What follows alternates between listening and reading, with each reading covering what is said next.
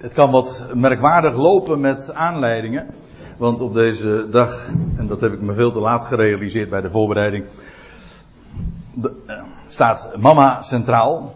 Maar de aanleiding van deze samenkomst en van de keuze van het schriftgedeelte van vanmorgen is niet zozeer mama, maar hij die wereldwijd papa genoemd wordt.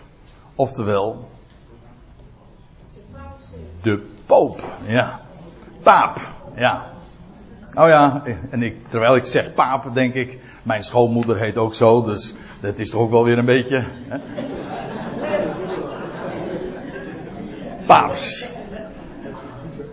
Dus het, uiteindelijk kun je, je, kom je er toch wel weer bij moeder uit. Nee, ze kan er ook niks aan doen dat ze paap zet. En ze zal enige eeuwen in de familie zijn ze protestants, heb ik begrepen. En wat de aanleiding is, wel, het is nog maar een paar dagen geleden dat ik met mijn jongens, met onze jongens, maar ik zeg toch even mijn, omdat mijn vrouw en mijn dochter daar niet bij waren. Het was een strikt mannenaangelegenheid. Een paar dagen terug waren wij in Rome voor een weekend. En u begrijpt, als je in Rome bent, dan ontkom je niet aan een bezoek ook aan het Vaticaan, Sint-Pietersplein. En daar waren we op audiëntie bij de paus. Ja, ja, nou, er waren nog een paar anderen trouwens ook, moet ik erbij zeggen.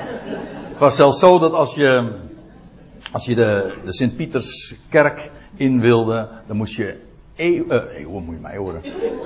Nou ja, overdrachtelijk klopt dat ongeveer wel. Uh, maar uren, drie uur begrepen we in de rij staan om daar naar binnen te gaan en ook de Sixtijnse kapel te, te bezoeken en te bezichtigen. En uh, wel, dat hebben wij aan ons voorbij laten gaan. Maar ja, als je daar dan bent en je ziet al die Roomse, ja, met recht dus, Roomse praal. En ja, het is heel indrukwekkend. Ik ben absoluut niet paaps en ik ben er ook niet paapser op geworden. Maar uh, het is wel enorm indrukwekkend als je dat allemaal ziet, die bouwwerken en ja, hoe een heel, hele instituut, een wereldkerk van honderden miljoenen mensen, uh, ja, daarop gebaseerd is en alles wat daar dan uh, heeft plaatsgevonden en op de eerste bisschop, Petrus, die daar dan inderdaad zou hebben gezeteld en die zijn ambt heeft overgedragen iedere keer weer in successie aan de volgende bisschop van Rome. En hij heeft een primaat gekregen en dat is allemaal gebaseerd op dat gedeelte waar we het vanmorgen over gaan hebben. Matthäus 16. En inmiddels, en dat is wel een heel indrukwekkende rij hoor, moet ik u zeggen, want de huidige paus is inmiddels nummer 6, 266 in successie dus. Maar u weet het, een ketting, een ketting is zo sterk als de zwakste schakel. En, eh, en die ketting is heel erg lang, maar het gaat al mis bij de eerste. en daar wil ik het vanmorgen graag eens over hebben. Niet over de paus, ik wil daar ook niks uh, kwalijks over zeggen. Niet, in ieder geval niet onnodig, laat ik het zo zeggen dan. Ja, enig voorbehoud wil ik daar wel bij uh, aannemen. Maar Matthäus 16. En ik beperk me tot een aantal versen, van vers 13 tot en met vers 20, 21, als ik me niet vergis. En laten we eens dat gedeelte nader bezien. En wat daar staat opgetekend. Het zijn redelijke bekende versen. Maar ik kan me niet herinneren dat we op deze plaats ooit daar eens wat meer bij hebben stilgestaan. Enfin. Je leest in vers 13 van Matthäus 16, toen Jezus in de omgeving van Caesarea Philippi gekomen was. En laten we dat eens eventjes dan wat nader bezien, wat dat betekent. Want je had namelijk verschillende plaatsen die Caesarea heten. Caesarea, dat betekent natuurlijk, daar zit Caesar in, de keizer. Maar je had de groot, een van de grootste steden in het land, sterker op Jeruzalem na, was Caesarea de grootste stad in het land in die dagen. Maar dat lag aan de kust. Vandaar ter onderscheiding werd dit dan Caesarea, Caesarea Philippi genoemd. En dat is, ligt helemaal in het uiterste noorden van Israël, bij de Hermon, dat wil zeggen bij de berg Hermon. Om het nog wat aanschouwelijker te maken. Wat de, hier ziet u dus het meer van Galilea. Hier Capernaum, waar Jezus een tijd nog gewoond heeft. En dan een heel aantal kilometers noordwaarts. Dan kom je dus echt hier in de Golan. Heb je dus de berg uh, Hermon. En hier had je Caesarea Philippi. Dus inderdaad in het uiterste noorden tegen de grens van Syrië. Tegenwoordig is het trouwens ook Syrië. En tegenwoordig heet het trouwens uh, niet meer uh, Caesarea Philippi, maar heet het de Banias. Is een van u hier wel eens, daar wel eens geweest? Ja, ik ook. Paar keer zelfs. Prachtige omgeving, schitterende omgeving, want hier liggen namelijk de bronnen van de Jordaan. En dat is wel grappig, want dat Banias, dat komt van Paneas, dus een verbastering dus. En dat Panias heette het omdat het de grot van Pan was.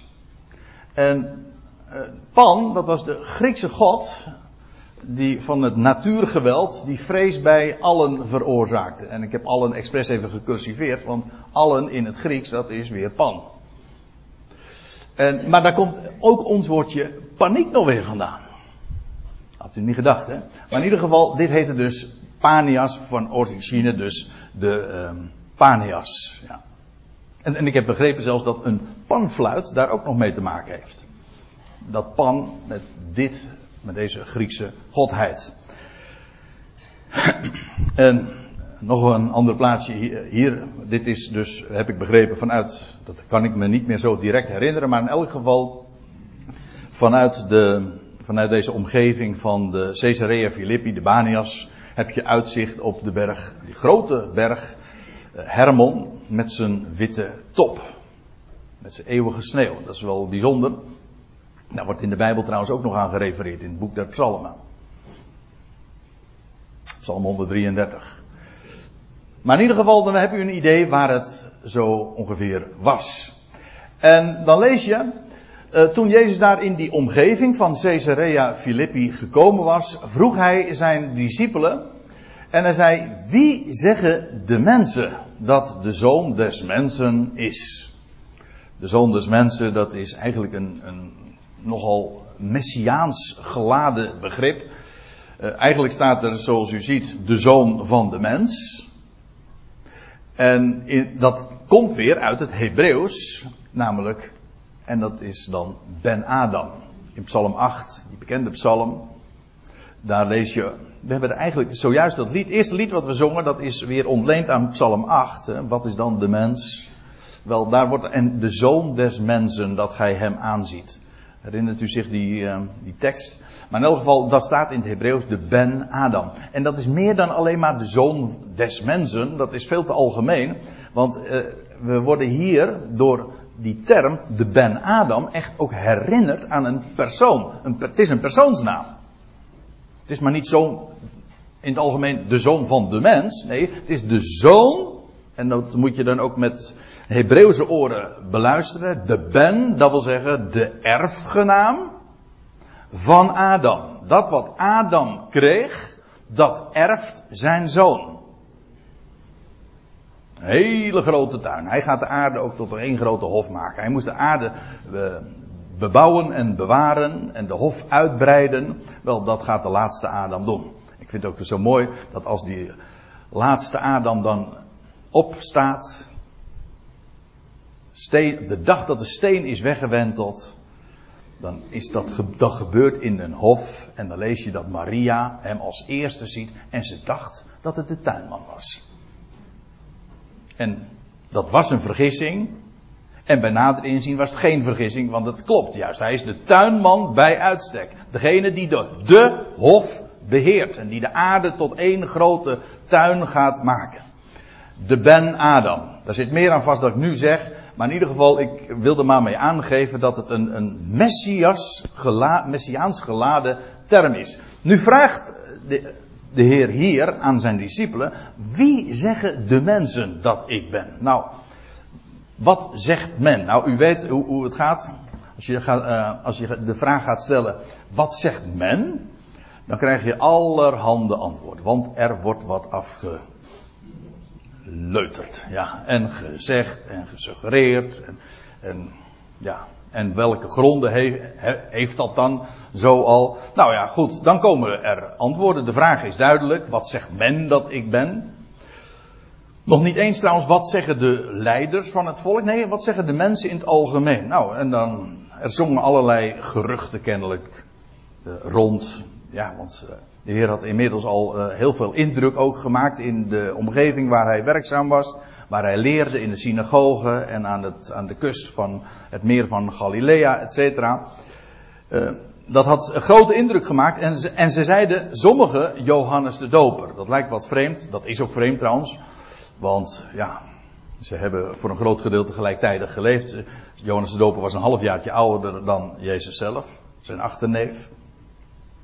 Maar Johannes de Doper was inmiddels natuurlijk aan het begin van Jezus' bediening, publieke bediening, onthoofd. Dus die was er niet meer en men, ja, men zag hem aan als degene die de personificatie of zo van Johannes de Doper. Anderen zeiden Elia, die twee zijn ook al heel sterk aan elkaar gekoppeld, want u weet, Johannes de Doper werd ook geacht Elia te zijn. Degene die kwam in de geest en de kracht van Elia.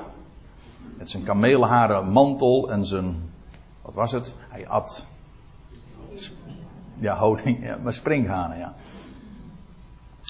Ja, net als Elia. Dus die associatie is dan weer niet zo vreemd. Trouwens, men wist ook, uh, dat is ook in de profetie, Elia zou komen. dat is een van de laatste versen van de Bijbel. In onze, in onze Oude Testament staat ook inderdaad dat voordat de grote dag des Heren zal komen, dat Elia zal komen. Om alles op te richten. Afijn, uh, dat werd er dus ook gezegd. Trouwens, van Johannes de Doper lezen we dat hij inderdaad in de geest en kracht van Elia kwam. En, maar goed, er waren nog wel andere suggesties. Weer andere zeiden Jeremia of een der profeten. Dus er zijn nog andere namen daarbij ook genoemd. Kortom, er kwam van alles zo voorbij. Maar nou gaat pas de vraag echt interessant worden, want dan zegt Jezus. Hij zei tot hen, maar jullie. Gij is hier het meervoud, maar gij maar jullie. Wie zeggen jullie dat ik ben? Nou komt de vraag heel wat dichterbij.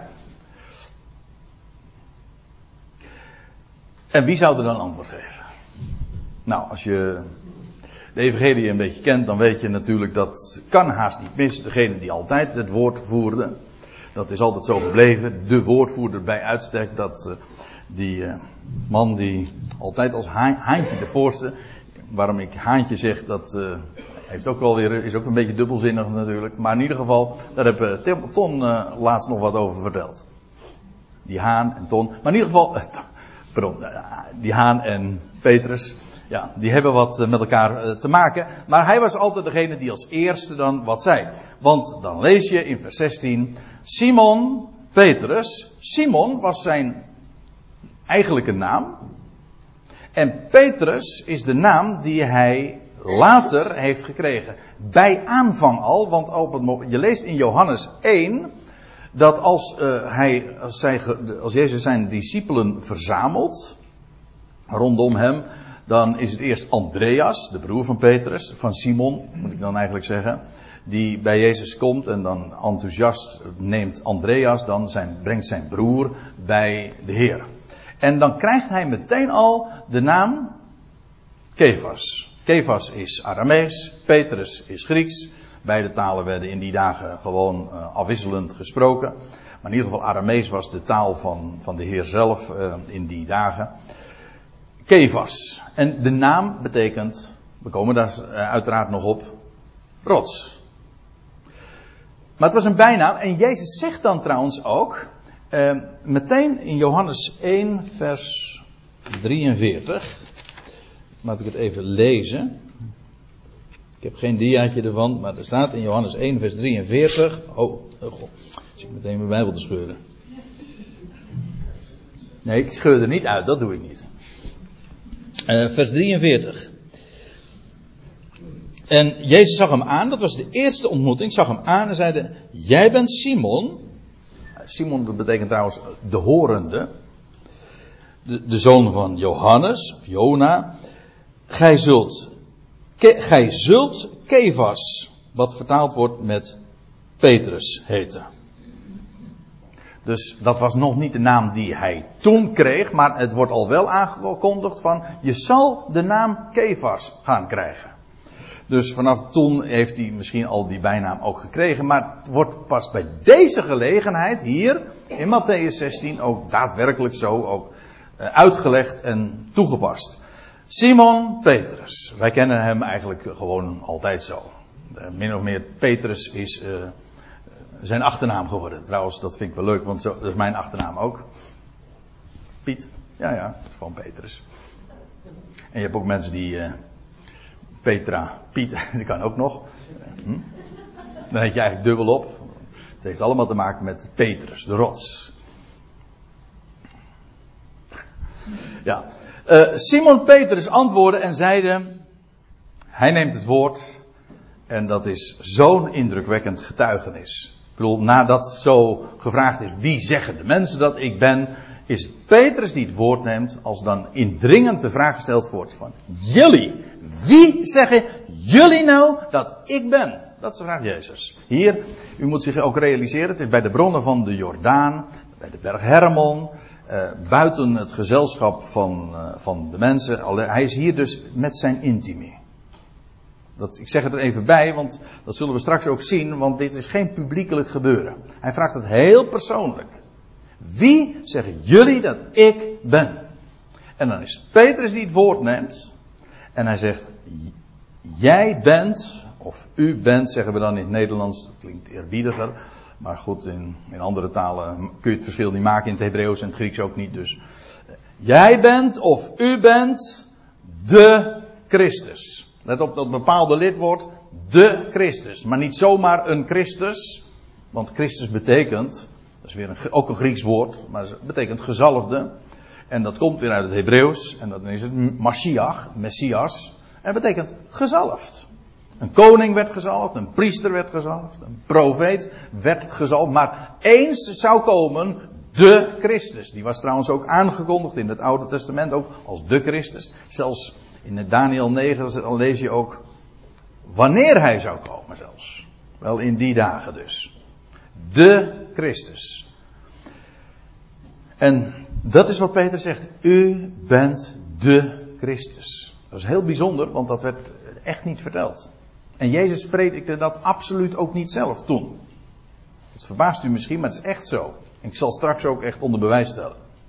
Maar Peter zegt, u bent de Christus. Degene die het volk verwacht. Degene die de schriften hebben aangekondigd. U bent de Christus, de, laat ik het dan op zijn Joods zeggen, de Mashiach. De beloofde Messias. De zoon van de levende God. Dat moet je trouwens ook, je moet allemaal heel letterlijk nemen. Gewoon zo letterlijk als mogelijk. Gewoon zoals het er staat. Waarom zou je het, uh, waarom zou je omwegen begaan? Hij is de zoon van de levende God. Een geheim van zijn persoonlijkheid. Hij is zonder tussenkomst van een man verwekt. Met recht dus de zoon van God. Er is maar één mens die dat kan zeggen. Vanaf Adam tot. Hij is inderdaad verwekt door God zelf. De geest van de Allerhoogste overschaduwde Maria. En zo is hij inderdaad met recht de enige geboren, de unieke zoon van God. En let op, de levende God. En de levende God, dat is de God die allen levend maakt. Dat is niet alleen maar de God die zelf leeft, met allemaal hoofdletters, maar ook de God die leven geeft. En alle, ik heb expres de, deze tekst er even bijgenoemd, in 1 Timotheüs 6 vers 13 staat het ook zegt Paulus, ik bezweer u bij de God die allen levend maakt. Schitterende uh, uitspraak. En dat verklaart bij uitstek die, die titel, de levende God. De God die leeft. Dat staat tegenover de doden goden. Maar het staat ook tegenover um, of uh, het uh, geeft aan dat het deze God is die aan het begin van het leven staat, maar die ook werkelijk de dood gaat overwinnen. Ik zeg het zo ook, want, want daarover gaat het hier. Hij is de Christus juist ook omdat hij uit de dood zal worden opgewekt. En zo ook zal bewijzen de zoon van de levende God te zijn. We zullen dat straks ook zien in vers 21. Want vanaf deze beleidenis gaat de Heer Jezus daar ook over spreken. Hou hem even vast, ik kom er nog even op terug. Maar dit is een schitterende beleidenis. En dat, dat blijkt ook wel, want we, als we dan vervolgens lezen in vers 17, de reactie van Jezus daarop, op als Petrus dit zo radicaal, recht, recht toe, recht aan zo uitspreekt. U bent de Christus, de Zoon van de levende God. En Jezus antwoordde en zeide, zalig ben jij. Zalig, ja. Dat klinkt ook zo rooms, hè. Maar het is gewoon gelukkig. Nou, gewoon. Gewoon is dat niet. Maar ik wil maar zeggen, het, het woord wat hier gebruikt wordt, dat is gelukkig. Je bent gelukkig. Simon Bar-Jona. Bar-Jona, dat betekent de zoon van Jona. En Jona, dan denken wij ja, aan een duif, dat betekent Jona. U weet wel, die duif met die olijftak in zijn bek.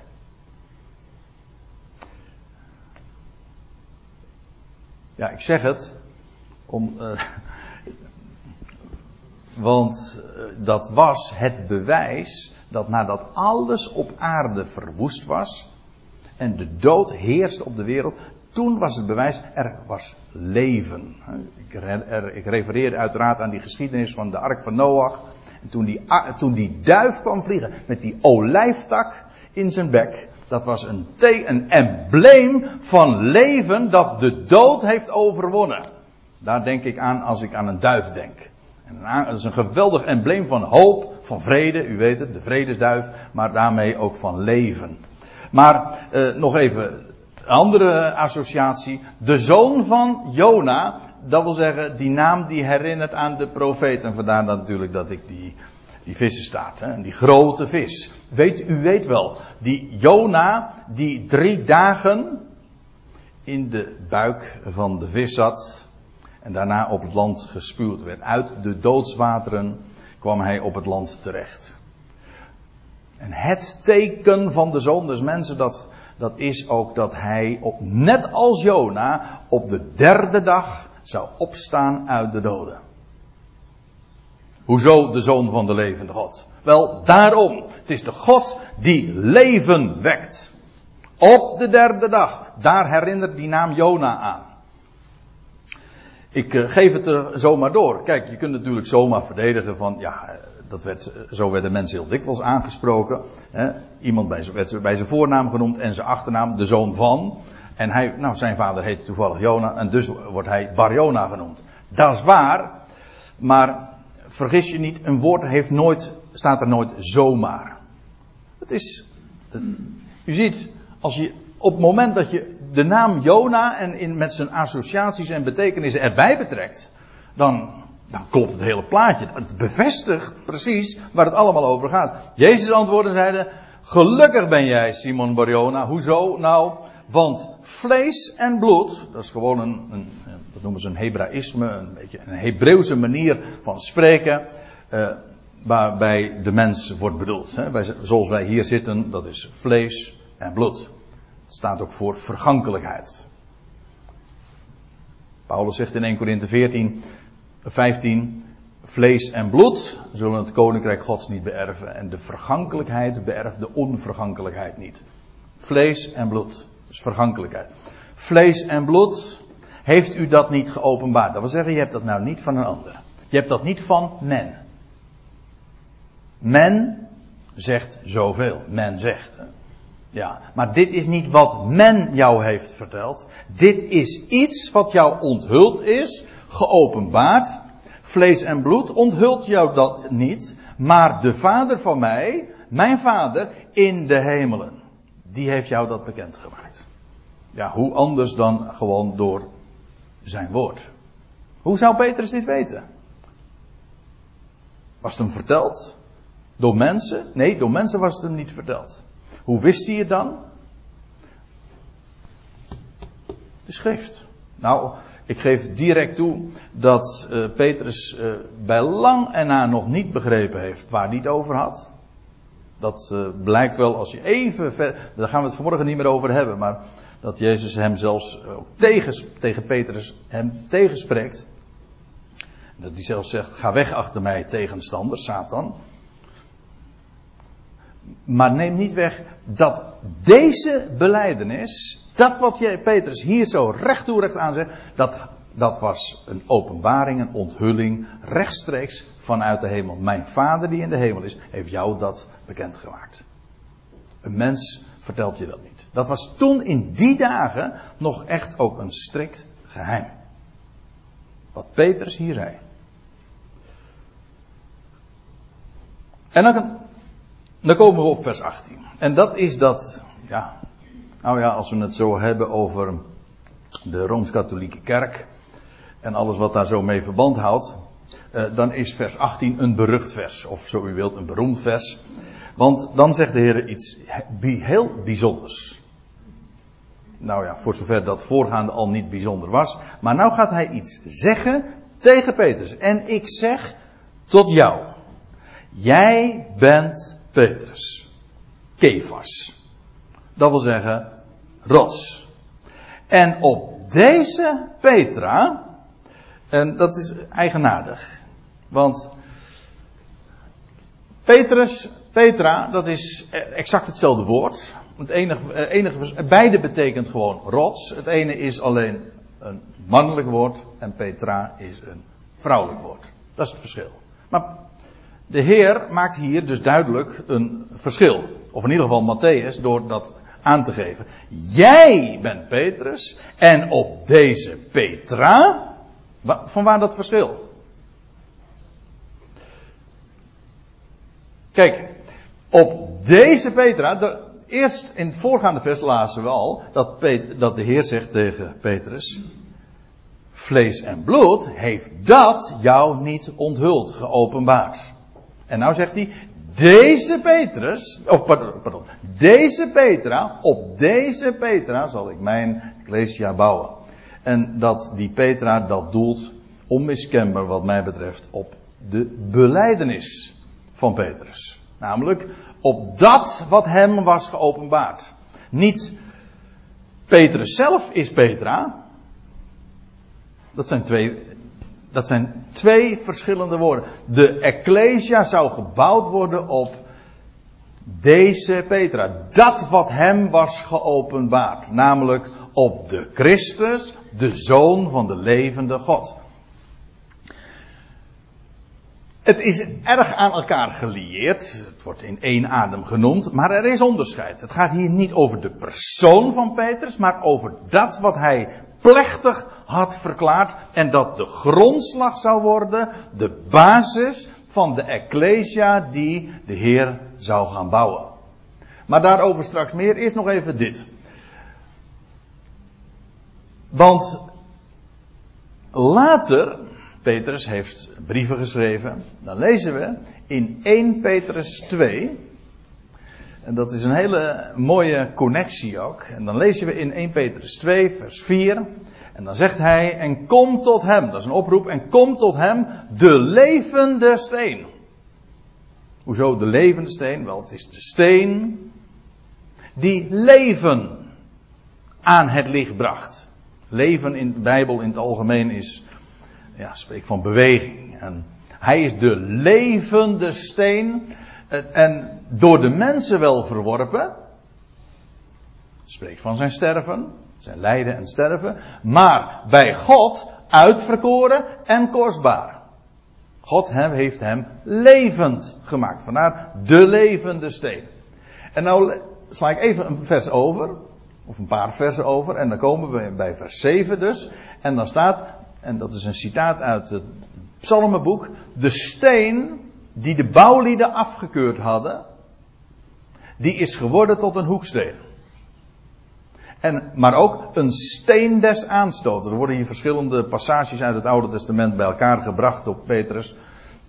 Maar hij heeft het hier dus over de steen. Dat wil zeggen de levende steen, door mensen verworpen, maar bij God uitverkoren.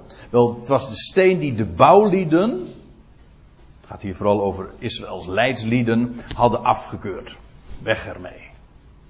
Ze hebben hem weggedaan, ze hebben hem afgekeurd. Maar wat blijkt, die verworpen steen, die is, heeft God gemaakt tot een hoeksteen. Wat ook een steen des aanstoots is. En een rots der ergernis. En hier lezen we in het Grieks weer datzelfde woord wat we ook in Matthäus 16 tegenkwamen, namelijk Petra. Rots van ergernis, of eigenlijk van een valstrik. Maar het gaat me even om dit woord. Hij is die steen, de levende steen, afgekeurd, verworpen, maar een hoeksteen. De hoeksteen, de basis. En ja, een ander fundament kan er niet gelegd worden. Dat is trouwens weer een woord van Paulus. Namelijk Christus. Hij, de zoon van de levende God, hij is de hoeksteen. Maar ook de rots de Petra. Zodat Petrus feitelijk daarmee zelf ook antwoord op geeft, geeft op de vraag van ja, wie is die Petra dan? Of waar slaat dat op? Wel, dat slaat inderdaad op Christus. Of, zo u wilt, op, niet op zijn persoon, op Petrus persoon, maar op zijn beleidenis. Dat wat hij heeft uitgesproken, juist bij deze gelegenheid daar in Caesarea Philippi. Nou, dan komen we in dit verband ontkom je daar niet aan wat de Rooms-Katholieke Kerk hierover zegt. Want u moet zich realiseren, de Rooms-Katholieke Kerk is gebaseerd op dit vers. Daar, daar komt het echt op neer. Dit is de cruciale tekst in, voor het hele Rooms-Katholieke instituut.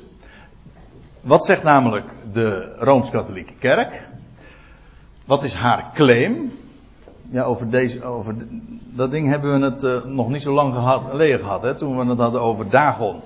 Die vissenkop. Die vissenbek. Maar daar zullen we het verder niet over hebben. Herinneren jullie nog jongens dat we hier stonden eh, langs de zuilerij? Echt, dit, dit lijkt zo klein, maar je, zal je, je loopt daar. Dat is echt gigantisch. Hoor. Dat, echt heel indrukwekkend hoor. Zoveel afgelopen maandag waren er trouwens niet zoveel mensen op, uh, op het plein. Maar goed, hier uh, lees je, hier uh, staat de paus dus op het Sint-Pietersplein, voor het Sint-Pietersplein. En al die honderden miljoenen die luisteren naar de bisschop van Rome. Hoezo? Waarom is het zo belangrijk? Wel, zij zeggen, dit is Petrus. Hij, dit is Petrus. En wat, wat is dan zo bijzonder? Hij is de eerste bisschop van Rome. En daarop zou de kerk gebouwd worden. Zij zeggen dus, de kerk is gebouwd op Petrus. En Petrus was de eerste bisschop van Rome.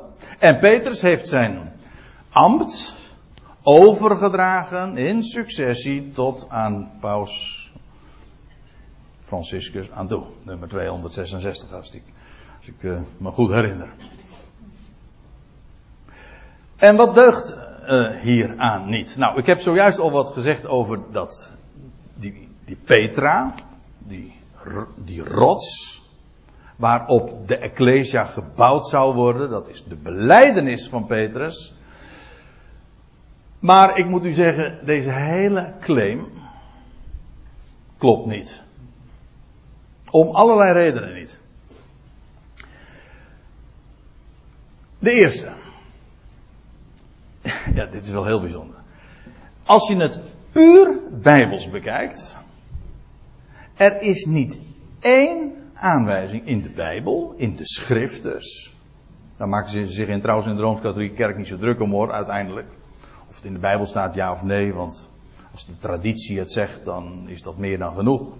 Maar er is in de Bijbel niet één aanwijzing, laat staan bewijs, dat Petrus zelfs ooit in Rome geweest is, in levende lijf. Het zou best kunnen dat zijn graf uh, in de loop der tijden uh, al in het begin van de kerkgeschiedenis is verplaatst en dat hij inderdaad daar in het Vaticaan begraven ligt. Daar schijnen echt wel goede argumenten voor te zijn. Maar er is bijbels gezien geen enkel argument dat Petrus zelfs ooit maar in Rome was. En weet u waar het op gebaseerd wordt? Met name waarom Petrus daar wel was. Dat wordt gebaseerd op 1 Petrus 5, vers 13. En weet u wat daar staat? Nee, ik wel. Is... Juist. Dan zegt Petrus, hij, dat is een, aan het slot van zijn brief. Dan zegt hij: U krijgt de groeten van mij uit Babylon. En simpel als ik ben, denk dan: Oh, Petrus was dus in Babylon. Nee, zegt men, dat is een bewijs dat Petrus in Rome was.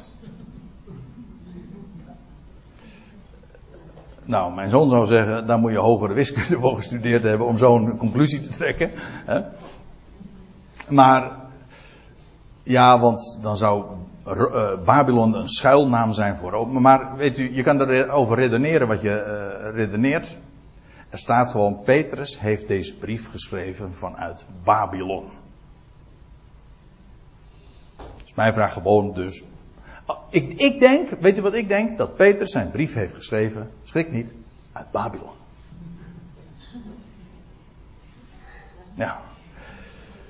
Maar zeg men nee, dat is Rome geweest. Want dat staat in 1 Petrus 5 vers 13, want daar staat Babylon. Nou ja.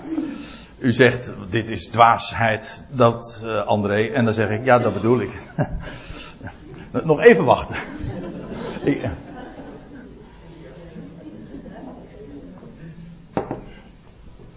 gaat nog boeiend worden. Het eh, gaat nog heel bindend worden, dat zal ik u straks ook laten zien. Uh, nog één. Dus ja, als Peter, als er in de Bijbel niet eens één aanwijzing is dat Petrus überhaupt ooit in Rome is geweest. Laat staan dat hij daar bisschop was. En dat nog afgezien van het punt dat Petra helemaal niet slaat op de persoon, op Petrus, maar op de beleidenis van hem. Maar goed. Dus, dat is het punt. Een andere kwestie is, dat nergens in de schrift, we ook maar lezen dat Petrus zijn apostelschap, zijn ambt, heeft overgedragen. We lezen, we hebben het geestelijk testament trouwens in ons bezit van Petrus. Namelijk, dat is zijn tweede brief. Dat heeft hij geschreven, dat lezen we ook, vlak voor zijn heengaan, vlak voor zijn executie. En wat Petrus dan doet, is zijn, lezers overdragen. Niet aan, een, aan iemand aan wie hij zijn ambt overgeeft, maar aan de schriften. Lees het maar na in 2 Petrus 1. Hij, hij beijvert zich dat, ze zich dat zij voortdurend ook naar zijn heen gaan, bepaald zouden worden bij de woorden van de apostelen. En daarom heeft hij de schrift ook samengesteld. Samen met andere apostelen, maar dat is nu even een punt niet. Maar in ieder geval, Petrus heeft aan het eind van zijn leven niet zijn lezers overgedragen aan een een, uh, een opvolger van hem. Nee, aan de schriften. Daar zouden ze bij blijven. En aan niet anders. Afgezien trouwens van het feit dat een apostelschap niet eens overdraagbaar is. Want wat is een apostel? Een afgevaardigde? Dat is een ooggetuige van de opgestane Heer. En ik zal u vertellen wie de laatste daarvan was. Dat was Paulus. 1 Korinthe 15 vers 8 geloof ik. En als laatste de apostel Paulus. Dat is de laatste ooggetuige van de opgestane Heer. Dat is een kenmerk. Iemand die, in, die Jezus, de opgewekte, in levende lijf heeft gezien en afgevaardigd is, hoogstpersoonlijk door hem. Dat is een apostel. Dat kan dus helemaal niet eens overgedragen worden. Dat is nog een argument. En er komt nog een punt bij. Maar dat is nog weer wat. Uh, dat graaft nog weer wat dieper, maar is wel heel essentieel. Petrus was een apostel van de besnijdenis. Zo wordt hij expliciet genoemd in Galaten 2 vers 7. En weet u wat het betekent? Dat Petrus bestemd was voor Israël. Voor de besnijdenis. Samen met Jacobus en Johannes richtte hij zich tot de besnijdenis. En er was wel een apostel die zich richtte tot de natieën, maar dat was Paulus. En heel grappig, ja grappig, uh, dat is een fout woord wat ik nu gebruik, maar het is wel heel frappant dat de wereldkerk, hm, het grote instituut, haar wortels terugbrengt tot Petrus, die juist een apostel is van de besnijdenis. Maar weet u, en dat daar kom je dan achter, of in ieder geval daar word je heel sterk in bevestigd als je dan in, daar in Rome bent. En, maar ik, laat ik u dit zeggen, dat zeg ik helemaal niet expliciet of exclusief tegen in verband met de Romeinse kerk, want ook de protestantse kerk en al die andere kerken claimen feitelijk dezelfde dingen. Ze zijn in de plaats van Israël gekomen. Dus zij maken dat onderscheid sowieso niet. Schrift maakt het wel. Maar Petrus is een apostel van de besnijdenis. Zijn brieven zijn gericht aan de besnijdenis. Staat er gewoon zwart op wit. En hoe is het mogelijk dat men via zulke redeneringen, ingewikkelde redeneringen, dan komt ja, tot zulke conclusies. Maar het is op niets uiteindelijk gebaseerd. En de schrift is zoveel rijker, zoveel duidelijker. Als de Heer zegt dus, en nou komen we weer terug bij vers 18. Ik zeg jou, Petrus, jij bent Petrus, de rots. En op deze, deze Petra, dat wat jij zojuist gezegd hebt, dat wat jou niet onthuld is door vlees en bloed, daarop zal ik mijn ecclesia bouwen. Niet op een, op jouw opvolgers, op jouw vermeende opvolgers, daar als bisschoppen in Rome, dat is allemaal uit de duim gezogen. Anders kan ik het niet zeggen. Laat ik het nog anders zeggen. Het is misschien uh, gebaseerd op allerlei, uh, allerlei aannames, allerlei kerkvaders. Als we uitsluitend ons richten tot de, op de schrift. Die, u weet wel, die woorden waar Petrus aan het eind van zijn leven heeft gezegd van, daar moet je wezen. Bij de schrift alleen laat je niks wijsmaken. Dus als je luistert naar Petrus, wel, nou, lees zijn brieven. Dan weet je wat voor hem van belang was. En waarop die Petra, daarop zou de Heer inderdaad zijn gemeente bouwen. Zal ik bouwen. Let op, dat is toekomende tijd. De Ecclesia waar hierover gesproken wordt, dat is niet, dat is trouwens ook weer zo'n term uit de traditie. Ook de Rooms-Katholieke Kerk gaat daarvan uit, maar ook protestantse kerken. Namelijk uh, de, de ene algemene kerk van Adam tot aan de jongste dag. Wel, dat is een concept dat de schrift niet kent. Hier wordt gesproken over een ecclesia die nog gebouwd gaat worden. Op de beleidenis, dat wat, de Heer, wat Petrus zojuist heeft verklaard. Daarop zal de Heer zijn ecclesia bouwen. En hier moeten we toch echt in de eerste plaats, en ik, ik vind het helemaal niet moeilijk om ook te denken en toepassingen te maken naar de Ecclesia die vandaag in gebouwd wordt, die de Heer zich verzamelt, de, de Ecclesia die zijn lichaam is, die ook gebouwd is op de, op de rots, ik bedoel op de Heer zelf, de Zoon van de levende God, dat is allemaal waar. En zulke toepassingen kun je maken. Maar lees eventjes gewoon in deze context. Als de Heer dit tegen Petrus zegt. Als hij zegt mijn gemeente bouwen. Dan denk aan de Ecclesia die uit Israël gebouwd zal worden.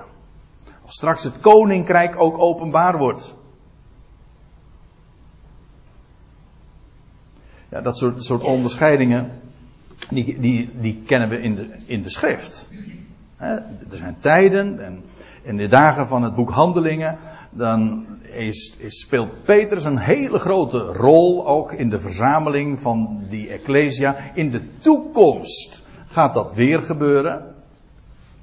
Maar laat ik eerst nog eventjes deze zin erbij betrekken. En ik zal mijn Ecclesia bouwen. En de poorten van het dodenrijk, de poorten van de Hades, zullen haar niet overweldigen. Dus wat de Heer hier zegt tegen Petrus, is een geweldige belofte. Dat, dat wat je zojuist hebt uitgesproken, wat niet door geopenbaard is door mensen, maar door mijn Vader in de hemel, Wel, dat is zo'n geweldige beleidenis. Daarop ga ik mijn Ecclesia bouwen. En bovendien, de poorten van, het, van de Hades, van het dodenrijk, zullen haar niet overweldigen. Hadden het nog niet zo heel erg lang geleden over, op deze plaats ook over Simson, weet u nog? Die daar bij die poorten van Gaza was. Die gevangen zat. Eigenlijk gewoon gedoemd was om te sterven. Gevangen genomen zou worden en gedood zou worden. En wat doet Simson? Hij neemt de poort daaruit. De poorten van het dodenrijk. En hij brengt ze daar boven op, de berg die tegenover Hebron ligt. Schitter, schitterend beeld. Daar moet ik dan aan denken. Aan, aan, aan, degene die bij machten is om de poorten van het dodenrijk, de zoon van de levende God, te, um, te overwinnen. Vandaar ook de poorten van het dodenrijk zullen haar niet overweldigen. Ik wil u meenemen naar nog een andere schriftplaats. Naar openbaring 12. Die maken het nog wat concreter. Want in openbaring 12, daar lees je ja, zo'n beeld. Uh, een, er wordt een teken in de hemel gezien. In de eerste verse van openbaring 12 lees je dat van een vrouw die een mannelijk kind gaat, uh, in verwachting is. En ze schreeuwt het uit en een mannelijk kind zou zij baren. En zij staat er dan, en dan gaat het echt over een, een volk. Het gaat hier niet over Maria. Dat, ja, dat denkt trouwens de Rooms-Katholieke Kerk ook. Dat kan helemaal niet. Maar goed, en zij baarde een zoon, lees je dan. Dit is een volk. Ik geloof dat de zoon hier, waarvan hier sprake is, ook een volk is. En ik geloof dat ik daar mag bij mag horen en velen van u net zo goed. Namelijk tot die Ecclesia die het lichaam van Christus is. Ik ga dat nou verder niet uh, al te zeer uitdiepen. Maar goed, ik stip het even aan. Zij baarde een zoon, een mannelijk wezen, dat alle heidenen zal hoeden met een ijzeren staf. En haar kind werd plotseling weggerukt weggevoerd tot, naar God en zijn troon. Ja, dat, klinkt heel mysterieus. Het is ook een teken. Dit woord wat hier trouwens gebruikt wordt, dat, daar heeft Paulus het ook over in 1 Thessalonica 4. Over dat, we dat ze weggerukt zullen worden en de Heer tegemoet zullen gaan in de lucht. Datzelfde woord wat hier ook gebruikt. Wegrukking van die mannelijke zoon, hoofd en lichaam. Maar goed, daar gaat het mij even niet om, want ik wil u wijzen op het zesde vers. En dan lees je, als dat dan gebeurd is, en de vrouw vluchtte naar de woestijn, de vrouw Israël. Die vluchtte naar de woestijn, nadat dat man, die mannelijke zoon dus is weggerukt tot God en zijn troon. De vrouw vluchtte naar de woestijn, waar zij een plaats heeft door God bereid opdat zij daar 1260 dagen onderhouden zou worden. Wat er gaat gebeuren in de toekomst is dat de Heer weer zich de draad zal opnemen met zijn volk Israël. Hij zal verzamelen in de woestijn op een plaats die door God bereid is. En daar, wordt, en daar zullen de poorten van het dodenrijk haar niet overweldigen. De Heer zal dat volk daar in die, op die plaats in de woestijn bewaren. En ze zal daar onaantastbaar zijn. Ze neemt haar toevlucht inderdaad tot die plaats. En daar is ze onaantastbaar. En ik geloof dat er heel wat psalmen dan ook gezongen zullen worden. Eh, die je leest van, Heer, u bent ons een toevlucht. En u bent de rots. En ik zal je nou nog wat vertellen. Er is een plaats die zo heet in de woestijn. Petra.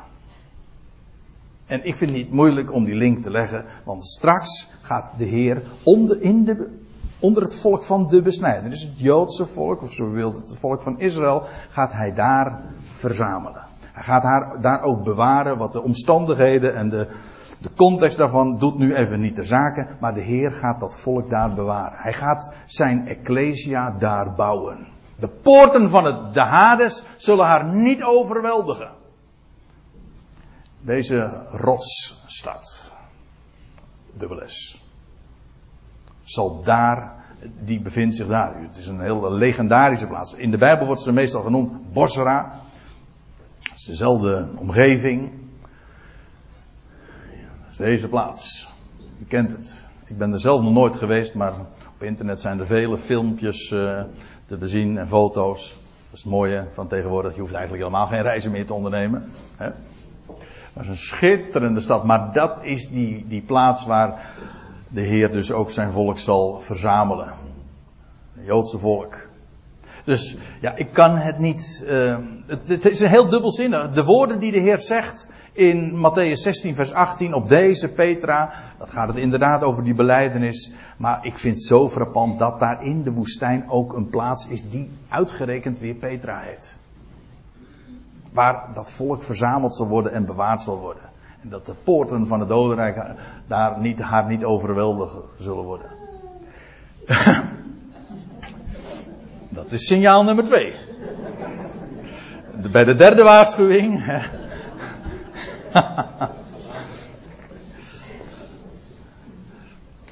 nou Jeffrey, nog even geduld jongen. Uh, we zijn in vers 19. Ik hoop dat je dat geruststelt. Uh, ik zal, dan zegt de Heer gaat verder. Hij zegt tegen Petrus, hij zegt, ik zal je de sleutels geven van het koninkrijk der hemelen. En u kent natuurlijk het beeld. Petrus, u weet het wel, de eerste bisschop van Rome, naar men zegt. Maar Petrus ook degene met de sleutels van de hemelpoort. Waarop is dat gebaseerd? Dat is ook gebaseerd op vers 19 van Matthäus 16. En het is allemaal op de klank af, maar het gaat er allemaal niet over. Het gaat niet over de kerk, over de, de heidenkerk. Het gaat over het koninkrijk. Niet een koninkrijk in de hemel, het koninkrijk van de hemel. Het is een, een koninkrijk dat zijn oorsprong heeft in de hemel. Een koninkrijk op aarde. En aan Petrus worden sleutels gegeven. En waarom anders? Wel om deuren te openen. Niet om mensen binnen te laten in de hemel. U kent het, er zijn talloze grappen en moppen natuurlijk op gebaseerd op dat concept, op het idee van dat Petrus de, de toegang geeft tot de hemel of, of niet tot de hemel en dan kom je in de hel terecht. Ja, goh, mensen, waar hebben we het over? Het heeft wel iets met de Bijbel te maken, maar je hebt dan echt de klok horen luiden. Op, in, maar je weet absoluut niet waar de klepel hangt. Ja, ik ken ook nog varianten, maar laat ik deze nemen. Aan Petrus worden sleutels gegeven. En, die, en dat is helemaal geen mysterieuze zaak, want Petrus is ook inderdaad degene die de sleutels van het koninkrijk heeft. Hij zet de deur ook open. Lees het boek Handelingen maar. Handelingen 2. Dan is het Petrus die het voortouw weer neemt. En daar op het tempelplein in Jeruzalem het, het woord uh, richt. En dan opent hij uh, de deur voor Israël. En velen, duizenden, drieduizend mensen komen dan ook inderdaad meteen op die dag, de Pinksterdag, binnen. En later in Handelingen 8 lees je ook, Petrus gaat naar de Samaritanen. In Handelingen 10 helemaal bekend, Petrus is het die de deur open doet voor de natieën. Cornelius, weet het wel. Die Romein. Petrus hanteert sleutels. Hier op aarde, een hemels koninkrijk, het koninkrijk der hemelen. Het gaat hier dus inderdaad over Petrus. Ik zal jou de sleutels geven van dat koninkrijk der hemelen. En wat jij op aarde binden zult, dat bedoelde ik met van, het wordt nog boeiend, hè, maar bindend.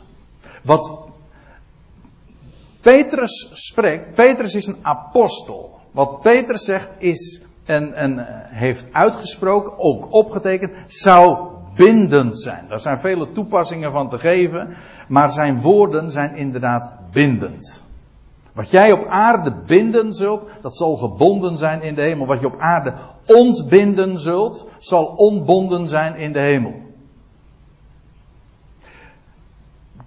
Er zijn verschillende toepassingen van, maar in ieder geval, e- een van de dingen die Petrus ook ontbindend verklaard heeft, dat is het oude verbond. Een verbond is trouwens ook iets wat verbindt. Wel, het oude is ontbonden en er is een nieuw verbond, komt daarvoor in de plaats. Wel, Petrus is de apostel van de besnijdenis en hij is degene die dat bindend en onbindend verklaard heeft. Hij draagt die sleutels. Dat wil zeggen, aan hem worden die sleutels gegeven van dat koninkrijk. En dan kom, ik lees nog even verder. Toen, en dat is ook wat het bewijs wat ik al, waar ik al eerder even aan refereerde. Dit was een geheim gebeuren. Daar helemaal bij de berg uh, Hermon. Deze dingen worden in de intimiteit gedeeld. Het is een geweldig moment geweest. Maar dan lees je, toen verbood hij met nadruk zijn discipelen aan iemand te zeggen, hij is de Christus.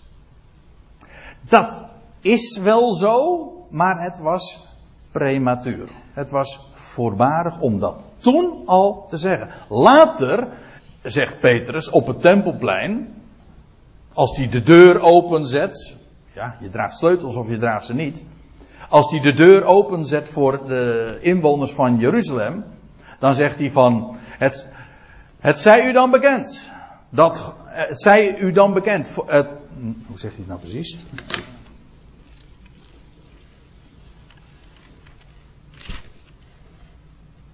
Dus moet, dat is Petrus. Dat is een conclusie van een toespraak. Dus moet ook het ganse huis Israëls zeker weten. Hier zie je ook weer Petrus, de apostel van de besnijdenis.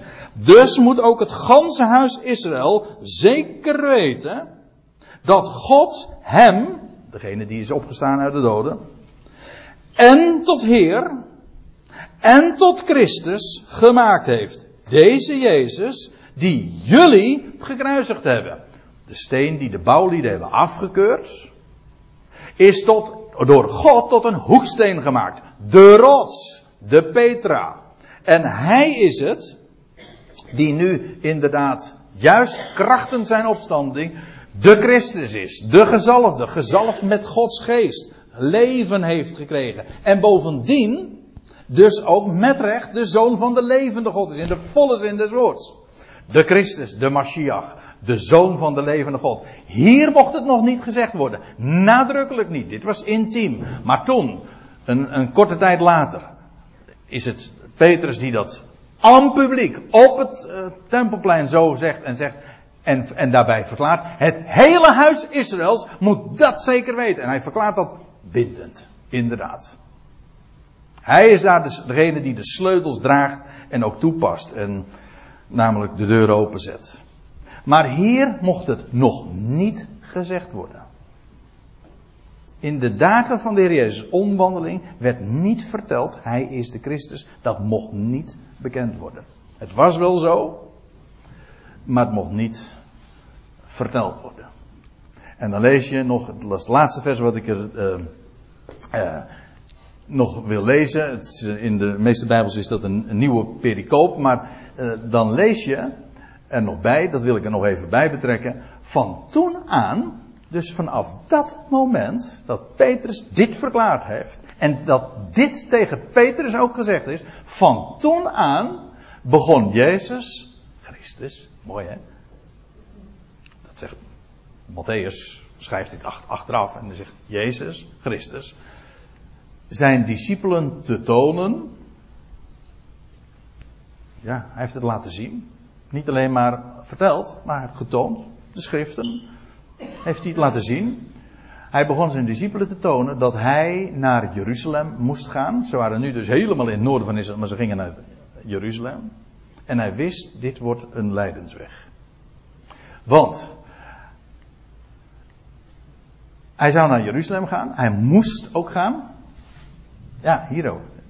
Het woordje moest, dat is letterlijk in het Grieks, het is bindend. Oh ja. Het is bindend. Hij, daar was geen ontkomen aan. Hij moest naar Jeruzalem gaan.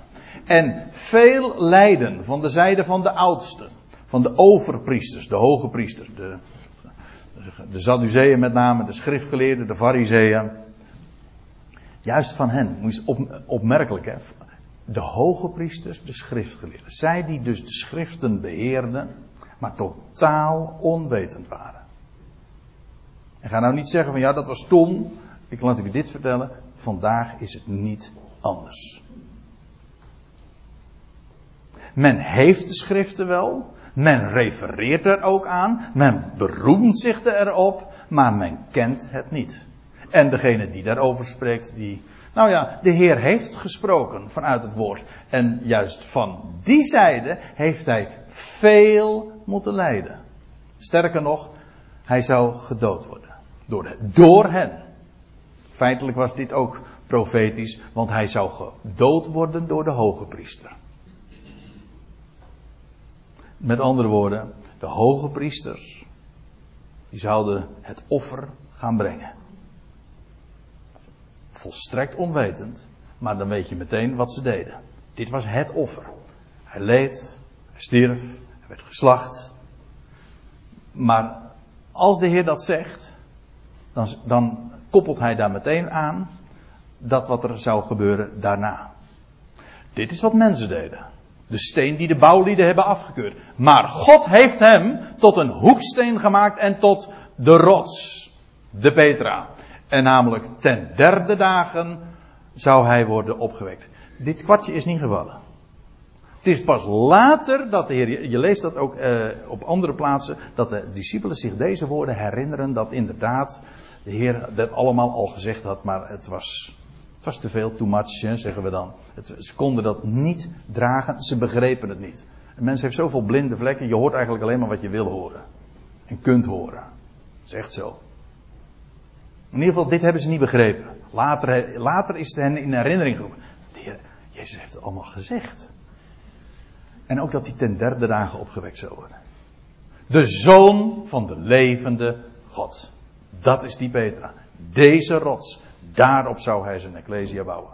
Ik stel voor dat we daar niet over zingen.